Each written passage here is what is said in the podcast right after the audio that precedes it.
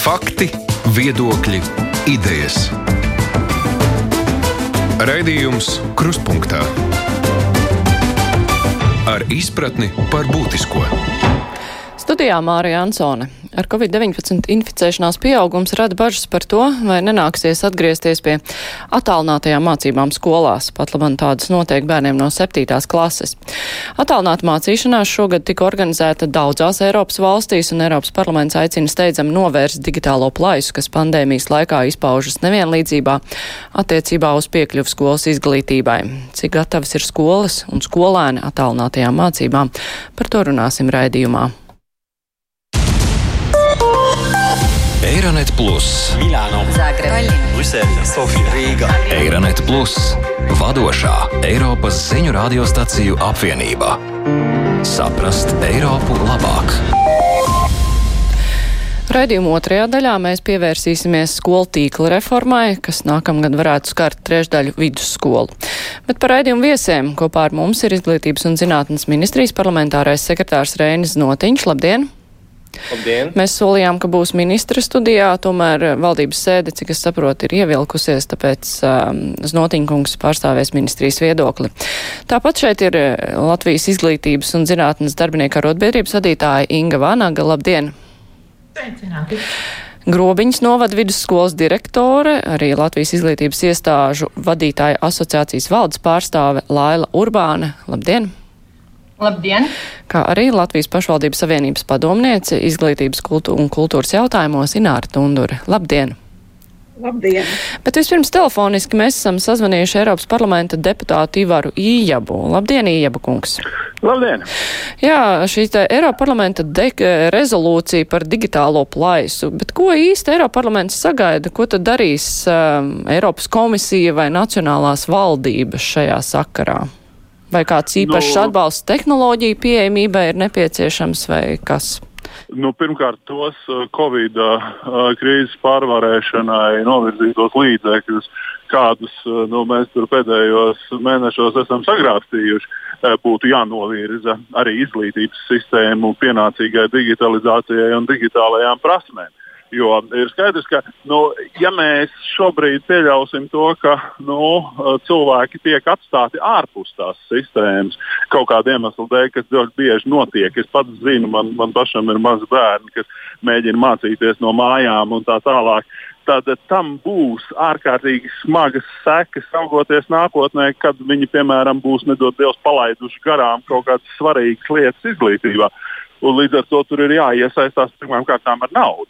Cits jautājums, vai mums ir uh, tādas programmas, kuras mēs šobrīd varētu likt priekšā kaut vai tam pašam atgūšanās fondam, kurš mums pavēla, pa, pa, palīdzētu nākotnē būt gatavākiem šādām situācijām. Uh, tas ir atkal droši vien jautājums izglītības zinātnes ministrijai.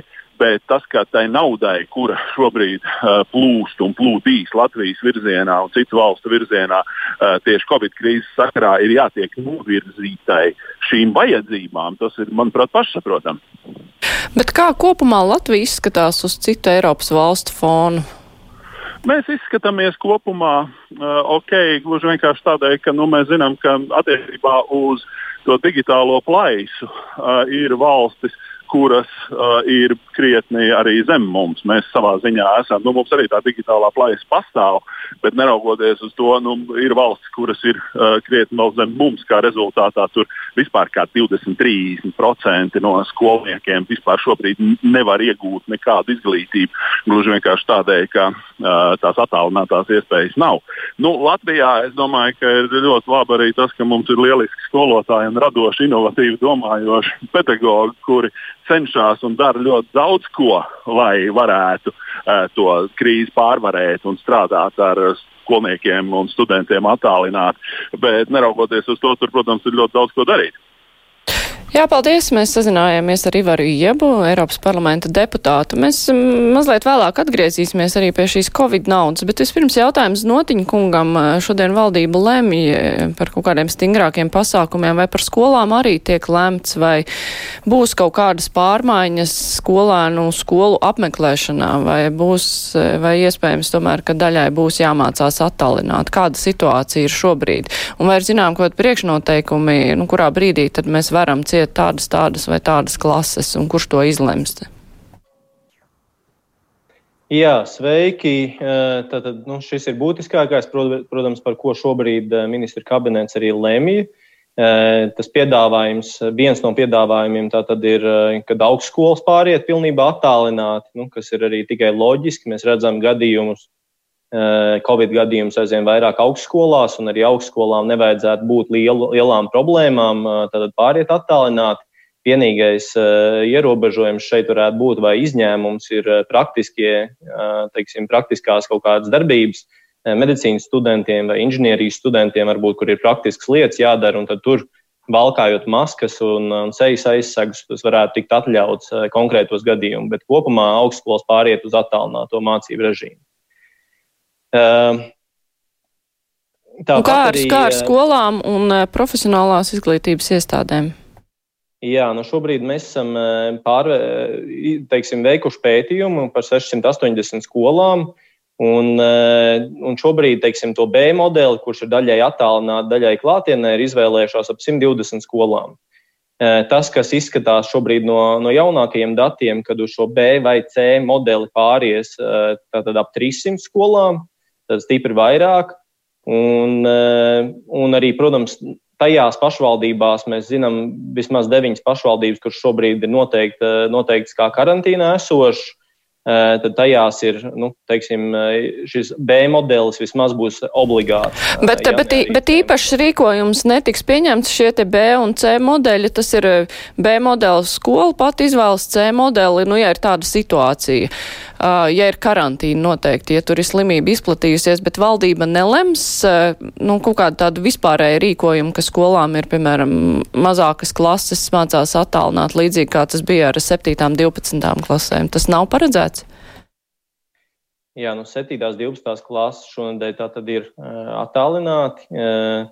Un, un būtiskākais, būtiskākais šobrīd lemtais ir par augstskolām, tad augstskolas pāriet attālināt, un šīs pašvaldības, kuras ir karantīnā, tad arī 7. līdz 12. klasēm ir obligāti vismaz B modelis. Tas ir būtiskākais šobrīd. Tas nozīmē, ka par klasēm, kas ir zemākas par 7. šobrīd netiek lēmts, ka tās varētu mācīties attālināti. Tāds jautājums no premjeras puses ir ticis pacelts. Mēs uzskatām, izglītības un zinātnes ministrijas viedoklis ir, ka pirmai līdz sastai klasē, protams, tā klātienē ir visbūtiskākā. Un to jāmēģina saglabāt nu, maksimāli. Un, un šobrīd mēs noteikti nepiekrītam šim ierosinājumam, ka pirmajai līdz sastai klasē vajadzētu arī attālināt to darīt. Tāpēc centīsimies, protams, saglabāt līdz pēdējiem, kamēr tas būs iespējams, tomēr klātienes formu šīm klasēm. Jūs minat, kamēr tas būs iespējams, kurā brīdī tas var nebūt iespējams? Eh, veselības ministrija ir nākusi klajā ar tādu tabulu, kur uh, ir dažādi rādītāju kopums, kas principā nosaka četras kategorijas, kurā valsts vai konkrētā pašvaldība var iekrist vai, vai institūcija. Nu, jā, bet kopumā valsts. Un, uh, tur ir gan saslimušo skaits uz 100 tūkstošiem iedzīvotāju, uh, Cik gan liels? arī citi rādītāji. Un šobrīd mēs esam no četrām kategorijām. Mēs esam trešajā, oranžajā kategorijā, kas ir ar augstu risku. Tas klasifikators ir augsts risks. Un, nu, jā, tad, teiksim, ja mēs iekrītam tajā ceturtajā, pēdējā klasifikatorā, tad, tad droši vien tas varētu būt arī pilnībā attālināts process. Bet nu, tas ir gadījumos, ja, protams, tas ir ļoti, ļoti, visa situācija ir ļoti, ļoti slikta Līdz tam mums vēl ir, eh, cerams, visas iespējas eh, savaldīt šo situāciju un nenonākt tur.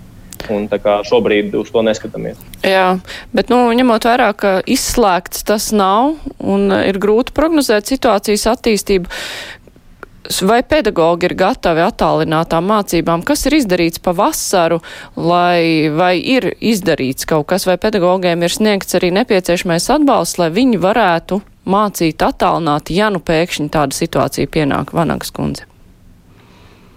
Jā, katrā ziņā pedagogi noteikti ir gatavāki nekā pavasara cēlienā, bet tajā pašā laikā tomēr mēs gribam pateikt, ka atkal nu, neradām to iespēju apsēsties pie viena galda, lai visas iesaistītās puses varētu uh, pastrādāt kopā un uh, nu, lai pedagogiem būtu vieglāk strādāt tagad, tad, kad Covid izplatība palielinās. To mēs redzam, ka darba slodze ir gan šī covid dēļ sarežģītāka, ir dažādi šie ierobežojumi, kādam plāns B, kādam arī C.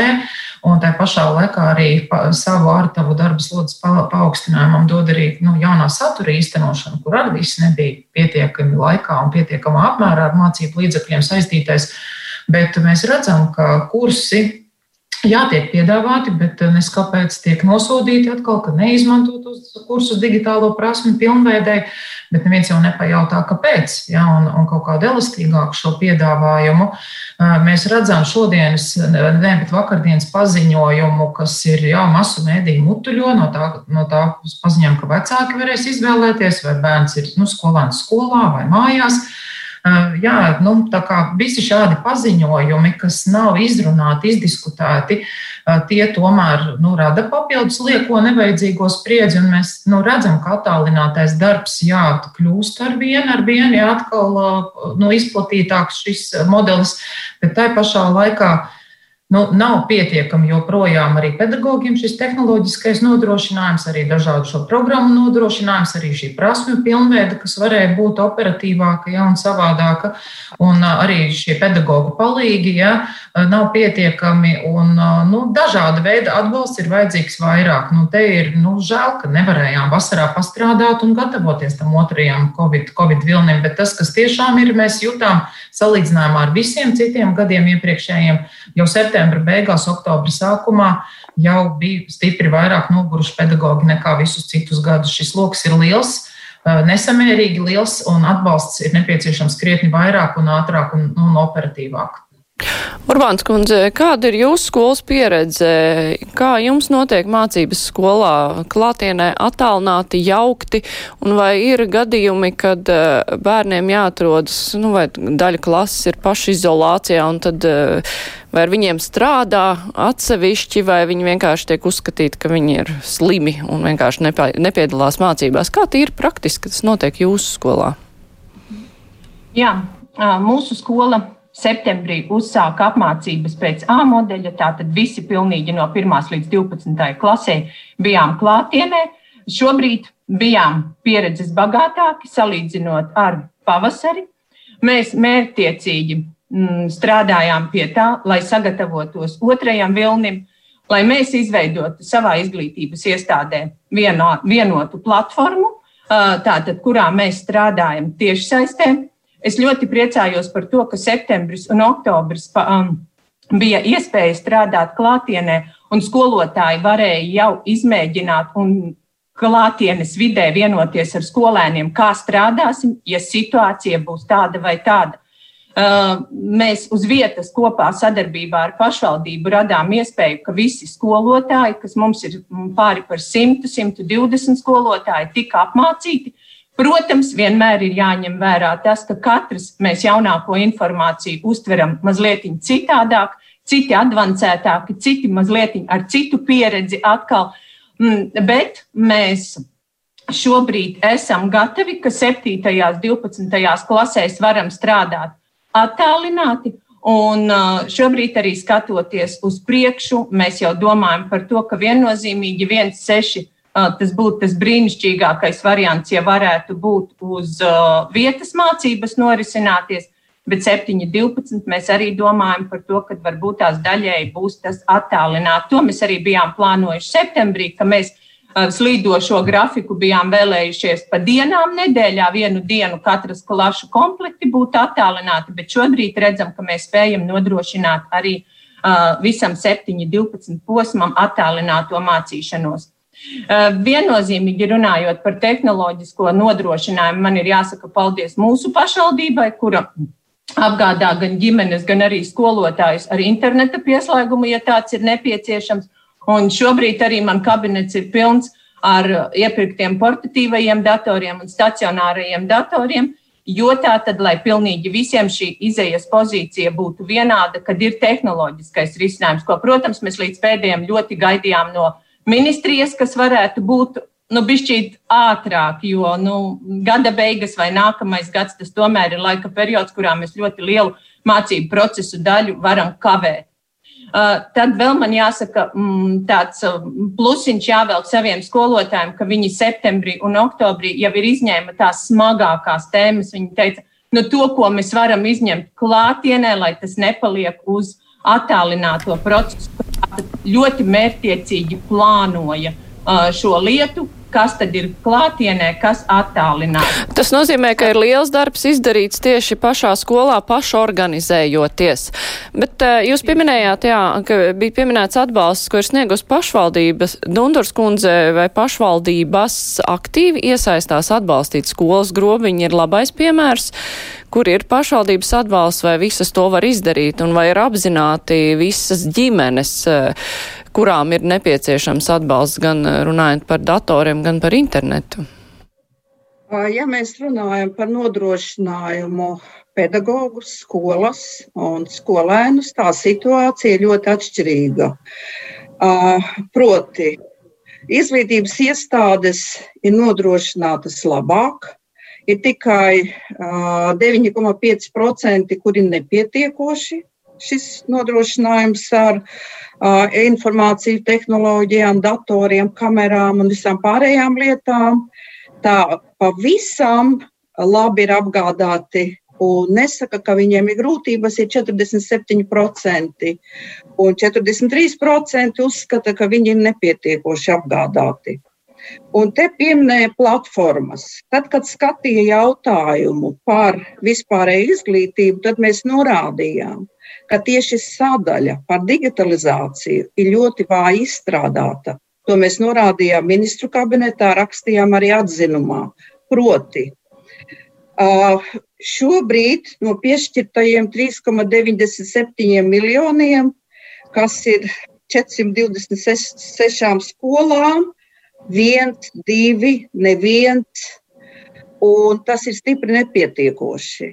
Tas nozīmē, ka jābūt programmai no šiem līdzekļiem, kas paredzēti seku likvidācijai, vispirmkārt visu skolu apgādēji. Otrkārt, stipri sliktāka situācija ir tieši ar skolēniem, ar viņu nodrošinājumu. Jo uh, pēc aptaujas tikai 12% uzskata, ka viņiem nerada problēmas, ka ir pietiekošs nodrošinājums. Gan interneta pieslēgums, gan arī datora pieejamība. Jo te vairs neiet runa tik, ne tikai par sociālo-ekonomisko situāciju, kad ir ka situācija ir stipri sliktākā, kur ir 21%, kad viņi uzskata, ka viņiem pilnīgi ļoti slikta situācija. Tad ģimenēs, kur ir vairāki bērni, kur vecāki strādā attālināti, arī ir uh, grūtības. Tas mūsu aicinājums bija, ka mums uh, šī aptauja parāda reālo situāciju. Tas nozīmē, proti, vai nu mēs pieņemam lēmumu kopējo valstī, kopējo, ka valsts finansē, un mēs tomēr apgādājam, sākot ar septīto klasi radām iespējas visiem bērniem apgūt mācību vielu un būt pieejamiem šiem datoriem, vai arī sarunās ar finanšu ministriju par, par nākošā gada budžetu mēs norādījām, ka mums tiek uh, samazināts budžets par 92, uh, tuvu 90, pār 90 miljoniem. Un vissliktākā situācija ir Latgalē kur arī viņa sociāla-ekonomiskā situācija sliktākā. Un, un pašvaldības tur nevarēs iesaistīties. Jā. jā, pašvaldības praktiski viņām ir nepietiekoši līdzekļi. Viņas meklē dažādus risinājumus. Ir, kura uh, atrada labākus, uh, dod uz patapinājuma, bet mēs šobrīd runājam par visu, sākot no septītās klases. Uh, ja mēs paskatāmies pieredzi ārkārtas situācijas pieredzi, tad mēs redzam, ka izglītības līmenis kritās un ka, ka tas nav, nevaram likt vienādības zīmi un ka tieši visneaizsargātā grupa sociāla ekonomiskā tieši ietekmes lielākā ģimenes ar mazākiem ienākumiem, vai arī ģimenes, kas nerūpējas par bērniem, vai ģimenes, kuras nepievērš uzmanību neatkarīgi. Nu, viņi ir, viņi ir sliktākajā, sliktākā situācijā. Jā, man ir jautājums notinkungam, mums ir mazliet jāvirzās uz priekšu. Pirmkārt par šo te, šiem te 3,9 miljoniem, kas izmantoti datoru iegādai. Tur ir 6,5 tūkstoši līdz 7 tūkstoši datoriem. Kāpēc tas iepirkums vispār tik vēlu, ja līdz gada beigām tikai skolas dabūs, un vai kā tas tiks sadalīts pa skolām? Te tik pieminēta Latgala, kur ir sliktākā situācija, jo nu, tiem datoriem gal galā ir jānonāk, droši vien, ka ģimenēs beigu beigās, bet vai šobrīd, jā, tad kas finansē šo te, šīs te tehnoloģijas, tad valsts vai pašvaldība likumā šobrīd tas nav noteikts? Jā, nu, man jāsaka, ka nu, pat dzirdētajā ir daudz uh, nepatiesību un puspatiesību. Uh, un jāsāk droši vien ar to, ka uh, tad, kad bija pirmais Covid vilnis uh, un bija iespējams šīs darbības veikt ātrāk, jeb iepirkums veikt ātrāk, uh, tad uh, principā divu nedēļu laikā, pat nepilnu divu nedēļu laikā, no brīža, kad šis sākās, Izglītības un zinātnes ministrija uh, iegādājās un nodrošināja vairāk kā 5300 viedierīču Eh, kuras tiks no, tika, no, tika nogādātas tātad, eh, pašvaldībām un, eh, un kuras arī vēl projām ir pieejamas mācību procesam.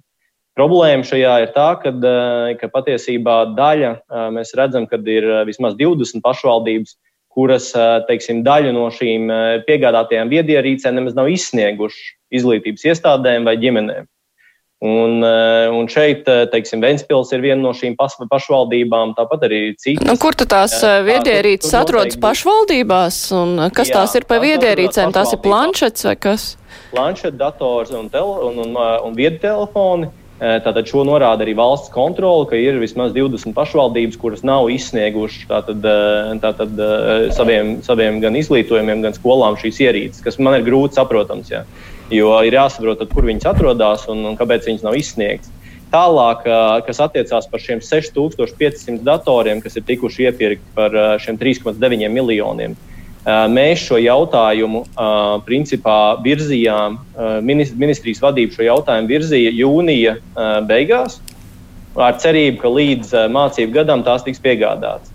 Taču regulējums vairs nebija tāds, kā tas bija pavasarī, kad to varēja izdarīt eh, teiksim, un veikt, eh, veikt eh, pusotras nedēļas laikā un piegādāt. Šoreiz ir jāiet cauri visam birokrātiskajam aparātam un iepirkumam, kas aizņem tomēr ilgu laiku, un kamēr šis iepirkums tapa un noslēdzās, pagāja šis laiks. Nu, tagad mums šie uzvarētāji ir apsolījuši, ka viņi principā līdz gada beigām šos 6500 datorus piegādās šīm 425 skolām. Nu, labi, tāpat, jā. jāpiebilst, mhm. tāpat jāpiebilst, ka uh, ir eh, jau pirms Covid krīzes, gadu pirms Covid krīzes, Izglītības un zinātnes ministrija tieši organizē kursus skolotāju digitālo prasmu celšanai.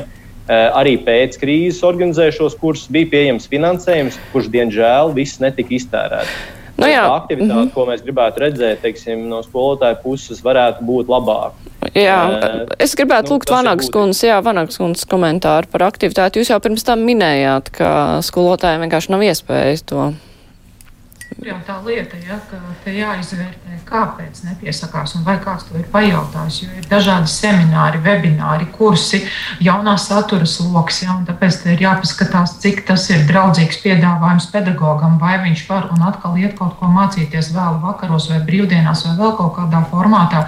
Bet arī pie šīm tehnoloģijām arī mums ir jautājums cik no tā visa tika pedagogam, jo es atgādināšu, ka pedagogi strādāja, strādā un strādās attālināti ne tikai no skolām, kā ministra teica, ja nav datori mājās, neviens jums neliedz iet uz skolu, uz skolu strādāt, attālinātu darbu veikt, un tā pašā laikā premjeras pasaka, ja varat strādāt maksimāli attālināti no mājām, tad mēs atgādinām to, ka darba aizsardzības likums, darba likums un paredzētie grozījumi, kas ir iedzīvotāja ienākuma nodokļu likumā, paredz savu kārtību un arī zināmu izdevumu kompensēšanu. Un tas, ko mēs lūdzam, respektēt, ka pedagoģi daļa strādā un strādās attālināti no mājām, un tā ir vienošanās ar darba devēju, un likums uzliek noteiktus pienākumus darba devējiem, direktoram vai pašvaldībām, un tāpēc mēs, saprotot, cik pašvaldības jau iegulda izglītībā no sava budžeta, mēs arī rosinām, ka šādi izdevumi, lai var pilnvērtīgi veikt mācības, šo darbu no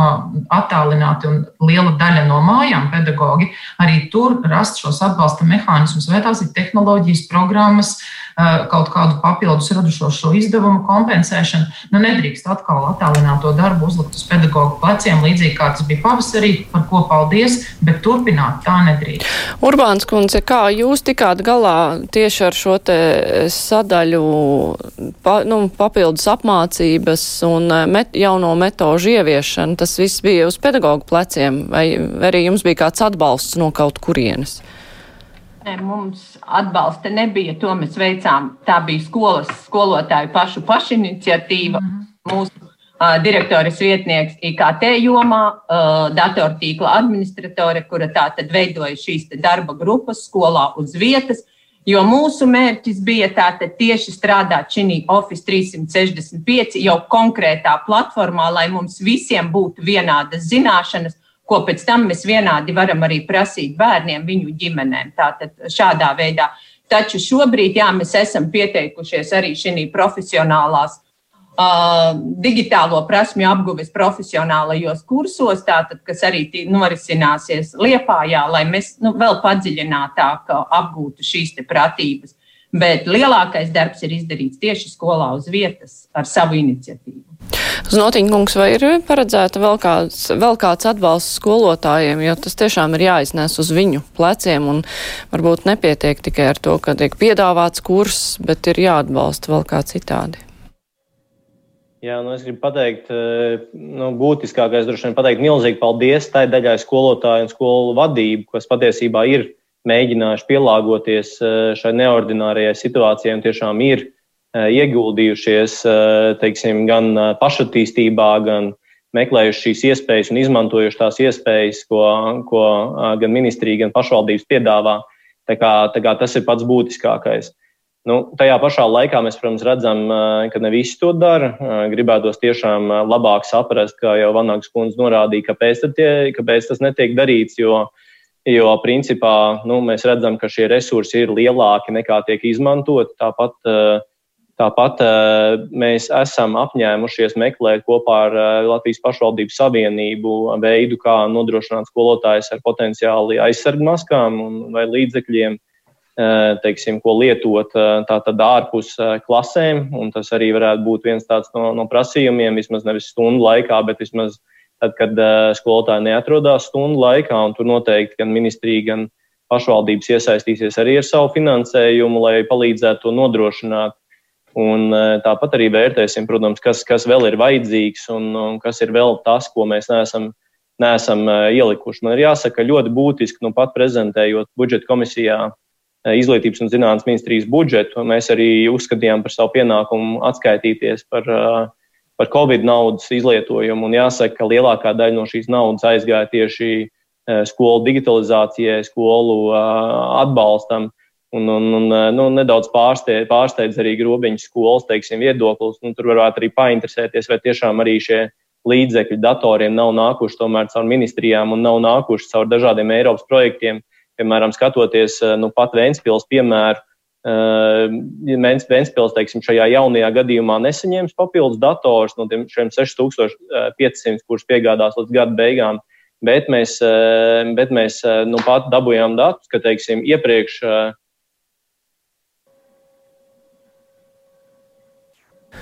Jā, diemžēl mums pazuda skaņa Znotiņkungam. Varbūt jā, man kolēģi var dot signālu, ka jā, jūs neesat dzirdams. Dundurs kundze, te tika izteikts pārmetums pašvaldībām, ka tās neizmanto piedāvāto atbalstu. Kāpēc neizmanto un vai šis atbalsts būtu bijis pietiekams, ja būtu izmantots? Es domāju, ka uh, Znotiņa kungām būtu ļoti rūpīgi jālasa arī tas uh, valsts kontrolas ziņojums, par cik runā un kāds. Bet uh, svarīgākais ir tas, ka situācijā, kad izglītības zinātnes ministrija organizē uh, iepirkumu, apgādi, tad viņa pati arī atbild tālāk un seko, kā tiek izlietoti. Pretējā gadījumā uh, šo sadali, tātad kā pašvaldības savienība, neskaņa, netika skaņots mums. Arī šis sadalījums, kas ir 426 skolām, tātad es paņēmu no ministru kabineta sēdes materiāliem. Un situācijā, kad ir problēmas, tad mēs meklējām tātad pašvaldības savienību. Bet es gribu atkārtot, ka mums ir svarīgi uh, nevis to problēmu pārcelt no valsts puses uz pašvaldību pusēm, bet mums ir svarīgi, ja mums tagad ir dati, ir arī Excel tabulas, kāda ir kura situācija.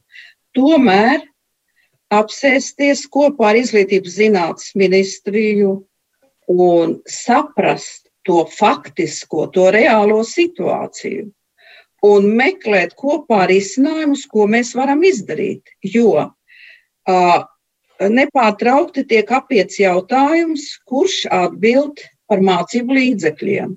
No valsts puses izglītības likumā ir ierakstīts, ka valsts apgādā mācību līdzekļus. Un, kad es uzdevu jautājumu, kad, ko var nopirkt par 14 eiro, protams, atbildes nebija. Un, ko var nopirkt? Nu, neko, kas saistās ar, ar digitālajiem risinājumiem skolēniem. Un līdz ar to beidzot mēs nevaram apkārt šo jautājumu neizskatīt pēc būtības, bet nepārtraukti paprasīt, kāpēc jūs viena puse, kāpēc jūs to neizdarījāt, otra puse, kāpēc jūs neizdarījāt. Tad varbūt saprotam situāciju, aprēķinam pieņemam konstruktīvu lēmumu. Nu jā, acīm redzot, eh, šāda atsevišķa saruna ir vajadzīga un eh, arī par to, kas sākumā jau tika pieminēts, kā izmantot Covid naudu, lai varētu digitalizēt izglītības sistēmu, bet mums ir laiks pienācis jau ķerties pie nākamā temata, un tā ir skolu tīkla uh, reorganizācija. Es tikai atgādināšu klausītājiem un Latvijas televīzijas skatītājiem, ka šodien kopā ar mums ir Izglītības un zinātnes ministrijas parlamentārais sekretārs Reinis Notiņš, Izglītības un zinātnes darbinieku arotbiedrības vadītāja Inga Vanaga, arī Latvijas izglītības iestāžu vadītāja asociācijas valdes pārstāvi Grobiņas novada vidusskolas direktora Lēla Urbāna un pašvaldības savienības padomniece izglītības un kultūras jautājumos Ināra Tundura. Turpināsim tūlīt. Eironet Plus, Milāno, Zagreba, Brisele, Sofija, Rīga. Eironet Plus, vadošā Eiropas ziņu radiostaciju apvienība. Saprast Eiropu labāk! Jā, tā tad atlikušajā raidījuma daļā mēs runāsim par plānoto skolu tīkla reformu. Tā nākamajā mācību gadā tas var skart trešdaļu vidusskolu. Ministrija pagājušajā nedēļā valdībā nāca klajā ar savu redzējumu, kas paredz valsts finansējumu piešķirt skolām, kuras atbilst noteiktiem kritērijiem gan skolēnu skaita, gan eksāmenu rezultātu ziņā. Mēs esam sazvanījuši Jānu Turlo, ekonomu geogrāfu, kurš strādāja savā laikā darba grupā skolu tīkla optimizācijai. Labdien, Turlākungs! Jā, labdien! Kā jūs vērtējat ministrijas piedāvātos kritērijus, kādiem ir jāatbilst skolām? Tie ir stingrāki lielo pilsētu skolās pierobežā pavisam, nu, krietni atšķiras, bet kā jums šķiet, vai tie ir stingri, saudzīgi vai optimāli? Uh, optimāli tie noteikti nav. Es teiktu, tie ir tādi, uh, nu, varētu teikt, saudzīgi, bet es uh, vietām ļoti nesakarīgi un nesaprotami. Jo Uh, mums Latvijā ir tā problēma, ka faktiski skolēni mums pietiek tikai 130 vidusskolām. Un tagad jau ministri arī uh, sāk runāt tās lietas, ko mēs 17. gadā savā pētījumā, par kurām runājām, tā skaitā par jauno mācību saturu, kad nu, nevar produktīvi mācīt uh, šos izvēles priekšmetus vidusskolā, ja nav paralēli klāšas.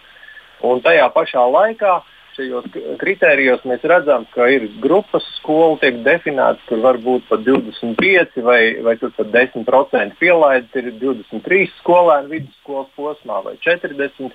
Uh, nu, nu, šādas skolas Latvijā ir desmitiem. Ja? Un līdz ar to mēs uh, uzreiz saprotam, ka ar šādiem signāliem tā reforma, kas faktiski trīs gadus trīs gadi ir pagājuši kopš 17. gada, un nu, ir bijušas tādas ļoti kosmētiskas izmaiņas, kas nav mainījušas pa, pamatlietas. Un pamatlieta, ko mēs uh, uzsvērām savā pētījumā, ir uh, jā, jāpanāk lūzums vispār šajā izglītības sistēmā ceļot skolotāja amata prestižu, ceļot atalgojumu uh, skolotājiem. Jo mēs šodien arī dzirdējām pirmajā daļā, uh, ko Vanagas kungs stāstīja, nu, ka skolotāji ir pārstrādājušies, attālināt mācīt, tas tiešām ir grūti. Izglītības ministrija runā, ka viņi organizē kursus ļoti labi, tiem tiek tērēta liela nauda. Bet atcerēsimies, ka mums lielākā daļa skolotāju, kas ir palikuši strādāt skolās, ir 50 un vairāk gadu vecumā. Daudz ir pirmspensijas vecumā. Un ko nozīmē tagad šiem pirmspensijas vecuma skolotājiem? Mācīt, eh, mācīt digi, pāriet uz digitālo mācīšanu. Daudzi to dara, Protams, viņiem tas nav viegli un, un, un daudzi ir uz izdegšanas uh, robežas.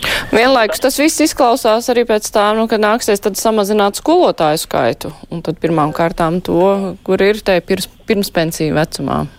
Nu, tas, uh, tas, ka samazināsies skolotājs nu, teikt, dabiskā ceļā, ko mi ministri arī teica, ja, tur, uh, tas ir fakts un no tā mēs nekur neliksimies. Bet skumjākais ir tas, ka mums uh, kvalitatīvi Eh, ļoti nu, pasliktināsies šis kontingents, kas strādā skolās, ja mēs nepanāksim lūzumu atalgojumu sistēmā. Eh, jo eh, nu, gadiem mēs redzam, ka uz skolām jaunieši neiet strādāt. Mums ir budžeta vietas augstskolās, kas it kā nu, ar grūtībām tiek aizpildīts, bet viņi aiziet citur kaut kur strādāt. Un šī problēma turpināsies, kamēr, kamēr mēs to neizmainīsim. Bet skolu tīkla reforma šo problēmu varētu atrisināt. Un mēs esam arī nu, pēc tam, jau, ka ministrija jau 17, 8, uh, jaunā ministra, kas stājās amatā, viņi pasludināja visus šos mūsu pētījumus par nederīgiem. Skolu karte tika atzīta par naudas izšķērdēšanu. Kopš tā laika faktiski nekas jau nav ministrijā radīts. Ir pretrunīgi paziņojumi, un, un nu, paralēli tam mēs esam gan ATR pētījumu ietvaros turpinājuši pētīt skolu tīklu problemātiku. Un mēs analizējām vienu konkrētu tādu nu, raksturīgu pašvaldību, Smiltenes novadu, un pārliecinājāmies, ka sistēmā nauda ir pietiekoša, lai pusotrkāršot skolotājiem algas jau šodien. Tikai, ja mēs to spētu sakārtot, piemēram, Smiltenē mēs izanalizējām ar pašvaldības atbalstu esošo nu, situāciju, skolu tīklu. Un, un, nu, izrādās, tur ir četras nelielas skoliņas, kas ir 10-15 minūšu attālumā uh, no, no citām skolām. Un, uh, šajās skoliņās mācās nu, kaut kādi 10-15% no visiem skolēniem. Ja šo lietu sakārto, tad, tad uzreiz atbrīvojās milzīgs resurss, ko pusotru, pusotrkāršot varam skolotājiem algas tiem, kas paliek strādāt šajās skolās. Jā. Ministri kritērijos šajos netiek runāts par attālumiem, tiek runāts par kaut kādām nu, reģionālajām grupām. Ko nozīmē reģionālā grupa ārpus administratīvā centra un 40 skolēni? Ir jārunā par attālām vietām. Jo šajā, te, šajā grupā virs 40 skolēniem vidusskolas posmā uh, arī iekļūst tāda kā baložu vidusskola, kas atrodas uz Rīgas robežas. Tur ir 45 skolēni. Tajā pašā laikā, nu jā, ka tas kriterijs ir neadekvāts. Es saku paldies uh, Jānim Turlajam, uh, ekonomu ģeogrāfam, paldies jums par komentāru. Uh, Es vispirms vērtējumu vaicāšu ārotbiedrības pārstāvēm Vanagas kundze, lūk, no turlaikunga puses izskanēja, nu, ka te ir tie kritēriji pārāk vai nu mīksti ats, ats, atsevišķās vietās, vai arī nesaprotam, ja mēs runājam par attālumiem. Kā jūs vērtējat šos piedāvātos kritērijus, kam ir jāatbilst vidusskolē, lai saņemtu valsts finansējumu? Jā, es teikšu, arī mēs kā arotbiedrība, neraugoties uz to, ka katras skolas slēgšana vai reorganizēšana nozīmē arī nu, sāpīgu lēmumu arī uz vietām, zinot skolas lomu, bet te mēs gribētu vērst uzmanību. Uh, Arī mēs, kā arotbiedrība, piekritām tam, ka jā, vidusskolas posms ir jāoptimizē, devām šo atzinumu, bet nevar arī šo tīklu optimizāciju skatīties atrauti no pārējām visām reformām, tas, kas ir šodien dienas kārtībā, ja, jo tas ietekmē. Un te, ko mēs gribētu akcentēt, par kvadrātmetriem uz skolēnu skaitu aizmirsām. Ja, visu laiku tik atliek, atliek, atliek. Bet pie tā mēs arī, kā solījis 2023. gadā, atgriezīsimies. Tad, ko tad mēs darīsim? Visas šīs prasības. Ja? Tad tas, ko mēs vēl redzam, šī pretnostatīšana, privātais sektors pret publisko sektoru, ja abas puses grib saņemt tātad, publisko šo finansējumu, tad nav korekti izvirzīt prasību, ka privāta skolai ir 40 skolēni vidusskolas posmā, bet pašvaldības dibinātajie 140, un abas šīs skolas atradīsies vienā pašvaldības teritorijā. Tad, kur ir šie vienlīdzīgie principi, tad uh, vienādi spēles noteikumi? Ja? Uh, Mēs arī iebilstam pret to, ka tiek mainīts spēles noteikumi spēles gaitā, respektīvi šie ministra kabineta noteikumi par kvantitatīvajiem, kvalitatīvajiem kritērijiem, jo politiķi droši vien ir aizmirsuši, ka tāda bija vienošanās grafiks un pretīm jā, šie skarbie tātad, principi par finansējumu samazinājumu Te valdības pārstāvi šobrīd pārkāpj šo iepriekšējo vienošanos, ja, un ir jāsaprot, šie kvalitātes rādītājiem ietekme būs gan Covid dēļ, gan jaunā mācību satura dēļ, gan arī speciālās izglītības dēļ, kad ienāk šīs četras programmas, atļaušos teikt, parastajās skolās.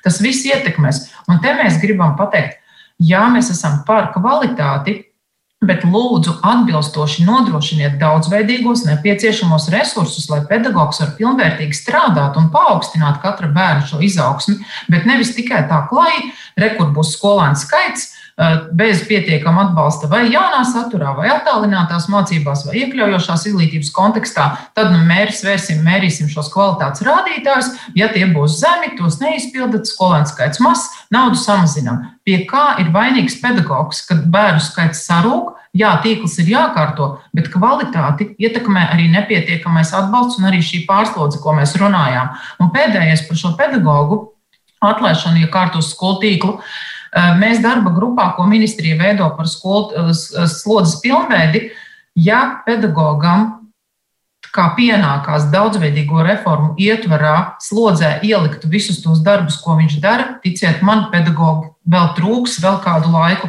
jo slodzē daudz kur tomēr neatspoguļos viss paveiktais darbs, par ko informē arī skolas direktori, un tādu piemēru ir ļoti daudz. Tā kā, draugi, mīļie, saliksim visu slodzē, ko dara pedagogs, un tad redzēsim, ka nemaz tik daudz viņi nav jāatlaiž. Paldies! Urbāns kundze, jūs jau esat gājuši cauri šim te, te organizācijas procesam. Kāda ir eh, pieredze? Jā, mēs esam veikuši 2019. gadā savā novadā uh, skolu tīkla optimizāciju. Mūsu pieredze varbūt tā šobrīd skatoties, tik tiešām ir tas veiksmīgais modelis, jo mēs ņēmām vērā gan uh, iepriekšējo septiņu izglītības iestāžu izvietojumu attiecībā no centra, no grobiņas. Tātad tie bija septiņi, astoņi, seši kilometri, ja, un arī ņēmām vērā uh, vienu mazo pamatskolu, kur atrodas 25 km attālumā, un kā mēs um, izveidojām šo izglītības programmu realizēšanas vietu. Tik tiešām tā varētu būt atsevišķa saruna, taču šobrīd man šķiet, ka nu, mums vajadzētu šajā jautājumā viennozīmīgi iepauzēt, jo mums ir jāskatās un jāsaliek prioritārā secībā aktuālais, kas notiek šobrīd valstī. Covid vīrus, numur viens. Nākošais ir jaunais mācību saturs, kas arī ir sloks skolotājiem, jo mācību līdzekļu trūkums, tas, kas ir šobrīd, es redzu, kā man desmitajās klasēs matemātikā skolotāji e, ņemas un daras, jo nav mācību līdzekļu, ar ko strādāt. Ja? Tāpēc man liekas, tas ir tāds dubultais sloks, sloks kas nāk klāt šai attālinātai mācīšanai. Nākošais, tūlīt, tūlītās ir uh, novadu reģionālā reforma. Vai mums nevajadzētu tik tiešām salikt punktiņus, kas mums ir numur viens, numur divi, numur trīs, un tad mēs varam ieejot jaunajā novadā, kāds tas būs, un tad mēs skatāmies šo skolu tīklu nākošo optimizāciju, ķeramies klāt šiem kritērijiem. Jo šobrīd arī mēs nākotnē esam Dienvidkurzemes novads ar centru grobiņu. Jā, bet jūs iedomājaties, pēc šiem kritērijiem mums sanāk, ka centrā mums nav vidusskolas. Jo tie kriteriji, skaitļi, kas varbūt tā šobrīd liepājas tūlums dara savu, mēs to nevaram atļauties. Nu, kaut gan, protams, nākotnē mēs redzam, ka mums tāda iespēja būs, ja arī šiem skolēnu skaitu sasniegt tādu, kādu tas vajadzīgs. Tāpēc man šobrīd gribētos likt akcentu tik tiešām prioritātes un veselība ir pirmajā vietā, lai būtu veseli skolēni, lai būtu veseli skolotāji, lai ir kas strādā. Jo šobrīd arī mēs, runājot par pedagogiem, mēs. Mm, jā, varbūt tās izmantojam vienu no šīs krīzes situācijas glābiņiem, un tas ir mācīt spēku, kas mēs arī esam mm, savā skolā uzņēmuši divus skolotājus, jo skolotāju trūkums arī mūsu pusē ir liels. Tā tad mēs uh, nu, balstamies uz viņiem, bet skolotāji nebūs pārpalikums. Skolotāju ir un būs trūkumi. Nurskundze, jūs arī esat paudusi satraukumu, ka šī reforma nu, tiks realizēta ļoti īsi pēc jaunajām vēlēšanām un būs ievēlēti jauni deputāti, un ka viņiem vēl nebūs varbūt pilns priekšstats nu, par novadiem, ar kuriem viņiem līdz šim nav bijusi darīšana. Jā, es pilnībā atbalstu Urbāns kundzi un arī papildinot, jā, nākošajā gadā ir pašvaldību vēlēšanas. Mums, mēs visi saprotam, ka saistībā, kas attiecas uz izglītības iestādēm, lēmumus pieņems jaunās novadu pašvaldības deputāti. Jā, ir šie kritēriji, taču apskatot stratēģiju, novērtējot ceļu stāvokli, kopumā situāciju jaunajā novadā, nodrošinājuma pedagogiem, vispārējās lietas, lēmumu pieņems jaunie deputāti. Un tādā pašā laikā mēs lūdzām, ka ir nepieciešams vismaz par vienu gadu pārcelt ministru kabineta noteikumu 583, kas runā par kvalitatīvajiem un kvantitatīvajiem kritērijiem. Kāpēc? Šogad ir sācies kompetencēs izglītības balstīts saturs ieviešana. Pašvaldības daudzas redzot situāciju ar skolēnu skaitu, pieņem lēmumu neatvērt desmito klasi. Bet būtu tikai liederīgi, ka šie skolēni šo vidusskolu var pabeigt Proti, ir vajadzīgi kopumā trīs gadi. Ir pašvaldības, kuras jau neatver 10. un 11. klasi. Ja mēs to neņemam vērā, neņemam vērā jauno administratīvu teritoriālo reformu un no tās izrietošās sekas, tad praktiski mēs mākslīgi radām situāciju, ka jau ar 21. un 22. gadu nosakām kritērijus, ka jāatbilst gan kvalitatīvajiem, gan kvantitatīvajiem, un jau samazinām, ja neatbilst kāds no kritērijiem, par 80% finansējumu. Tas ir pilnīgi, nu, es gribētu teikt, ļoti, ļoti nu, nepareizi. Tas tāds vērsts, nu, nedodot iespēju pašvaldībām pieņemt lēmumus, jo visi mēs saprotam, ka, ka izglītības iestāde var pastāvēt, ja tur ir bērni, ja tam ir finansējums. Un, uh, tas process nepārtraukti notiek, un viņš arī notiks. Jā, jo vairāk mm -hmm. kompetencijas balstīts izglītības saturs. Es neatkārtošos vēl. Jā, nu, tas ir skaidrs. Notinkungs te vairāk kārt izskanēja, ka nevajadzētu steigties un vairāk iemeslu dēļ, tajā skaitā, ja runājam par kvalitāti, ir sācies stājies spēkā jaunais saturs. Skolotāji ir noslogoti. Šobrīd ir ir problēmas ar covid, nu, ka nevajag to sasteigt. Plus vēl pašvaldību vēlēšana tūmas, nu, kuras nevarēs izvērtēt jaunās vietvaras objektīvi pietiekami ātri, kā rīkoties ar skolām. Kāpēc tāda steiga? Es domāju, ka tā nav steiga, bet tas ir process, kas ir iesācies jau, jau ļoti ilgu laiku. Un šeit tiešām jāuzsver, ka patiesībā patiesībā izglītības un zinātnes ministra personīgi, tik, personīgi ministra ir tikusies ar tātad visām pašvaldībām pagājušā gada laikā, ar pilnīgi visām, uzaicinājusi uz personīgu tikšanos. Un tiešām šos, šīs skolas, kurām tās robežu vērtības ir kaut kur tuvu tam, ka varētu tikt slēgta vai reorganizēta vai apvienota kādu citu, ar katru šo skolu un katra pašvaldības vadītāja vismaz ir pārunāta konkrētā situācija. Un vai tad še, šo skolu mums ir iespēja eh, dabūt teiksim, pāri šim slieksnim, un viņi ir tuvu šim slieksnim, un mēs varam viņu atstāt, vai tomēr ir nepieciešams viņu apvienot ar kādu citu skolu. Eh, tās ir bijušas ļoti individuālas sarunas, un mēs nevarētu tāpēc no izglītības zinātnes ministrijas puses piekrist tam, ko teica Turlākungs. Viņš teica, ka principā vajag mehāniski visu nogriezt un nogriezt eh, tiem, kam neiznāk, tiem nav, un viss slēdzam, visu ciet un tā tālāk. Mēs tomēr mēģinām pieiet individuālāk, saprotot, ka uh, skolas ir ļoti būtisks reģionālais aspekts, saprotot, ka skolas ir ļoti būtisks arī nu, tāds, tāds principā nu, vai nu pilsētas vai pagasta centrs. Un, un, un, nu, līdz ar to arī tiešām individuāli tiekoties un meklējot šos variantus, kā vislabāk šo risināt.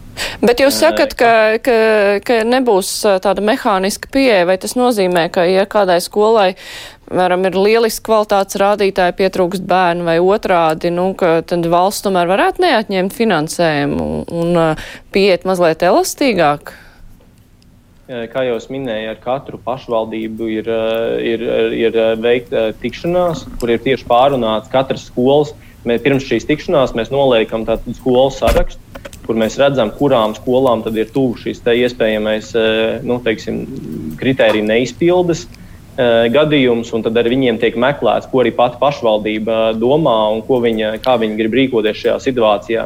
Vai viņi redz, ka tajā skolā ir potenciāls, un mēs skatāmies arī demogrāfijas rādītājus konkrētajā pašvaldībā un citus rādītājus, kas tātad liecina, vai, vai tur ir iespējas vai nav iespējas to saglabāt. Tas ir būtiskākais. Vanags kundze, Vanags kundze, ja jūs varat, eh, mums ir maz laika palicis minūtes laikā sniegt komentāru. Es pilnīgi pievienojos tam, ko teica Dundurs kundze un Znotiņa kungs. Pagājušā nedēļa valdībā apstiprinātais informatīvais ziņojums ar paredzētajiem grozījumiem MK noteikumos eh, par kvantitatīvajiem, kvalitatīvajiem kritērijiem pilnīgi pārkāpt tos principus, par kuriem jūs šodien runājat. Jūs runājāt par tādu redakciju, kāda bija iepriekš. Ja? Un te ir skaidri un precīzi pateikts. Ja jāizpilda ir gan kvantitatīvais, gan kvalitatīvais, un ja iepriekš bija uzstādījums, ka ņem vērā kvalitatīvo kritēriju un ir šī elastības pakāpe, tad šobrīd Eh, ministrs Šuplīnskas vadībā tiek pārkāpti šai vienošanās, kur bija šī elastība, kur ņēma vērā kvalitāti prim, primārija un vēl, ko arī minēja kolēģi, visus šos faktorus, kas ietekmēs kvalitātes rādītājs. Tas, ko mēs lūdzam, pieturēties pie apstiprinātajiem noteikumiem ar tādiem termiņiem, kā bija, jo pretējā gadījumā arī Līsda pārkāps pieņemto vienošanos par grafiku. Jo tā bija vienošanās, un mēs aicinām būt elastīgiem un neizvirzīt abus kritērijus, gan kvantitatīvo, gan kvalitatīvo, un te ir automātiski un mehāniski, bez elastības, bez individualizētas pieejas un bez pietiekama atbalsta. Acīm, acīm, redzot, jā, acīm redzot, šī saruna mums būs vēl jāturpina, jo laiks eh, mūsu raidījumam ir diemžēl beidzies, bet no nu, skaidrība te būs jāievieš, tad eh, būs vai nebūs elastīgāk pieeja. Es saku paldies sarunas dalībniekiem. Izglītības eh, ministrijas parlamentāriem sekretāram Rēnim Notiņam, eh, Ingai Vanagai no skolotāja pedagoģa garotbiedrības Laila Urbāna, Grobiņas novada vidusskolas direktora Ināra Dundur no Latvijas pašvaldību savienības. Paldies, ka varējāt piedalīties rīt krusmunktā žurnālistu un Latvijas radio klausītāju iztaujās satiksmes ministru tālu linkaitu. Savukārt šodien raidījums izskan raidījuma producente Evi Junām, bet studijā bija es, Mārija Ansona. Visu labu!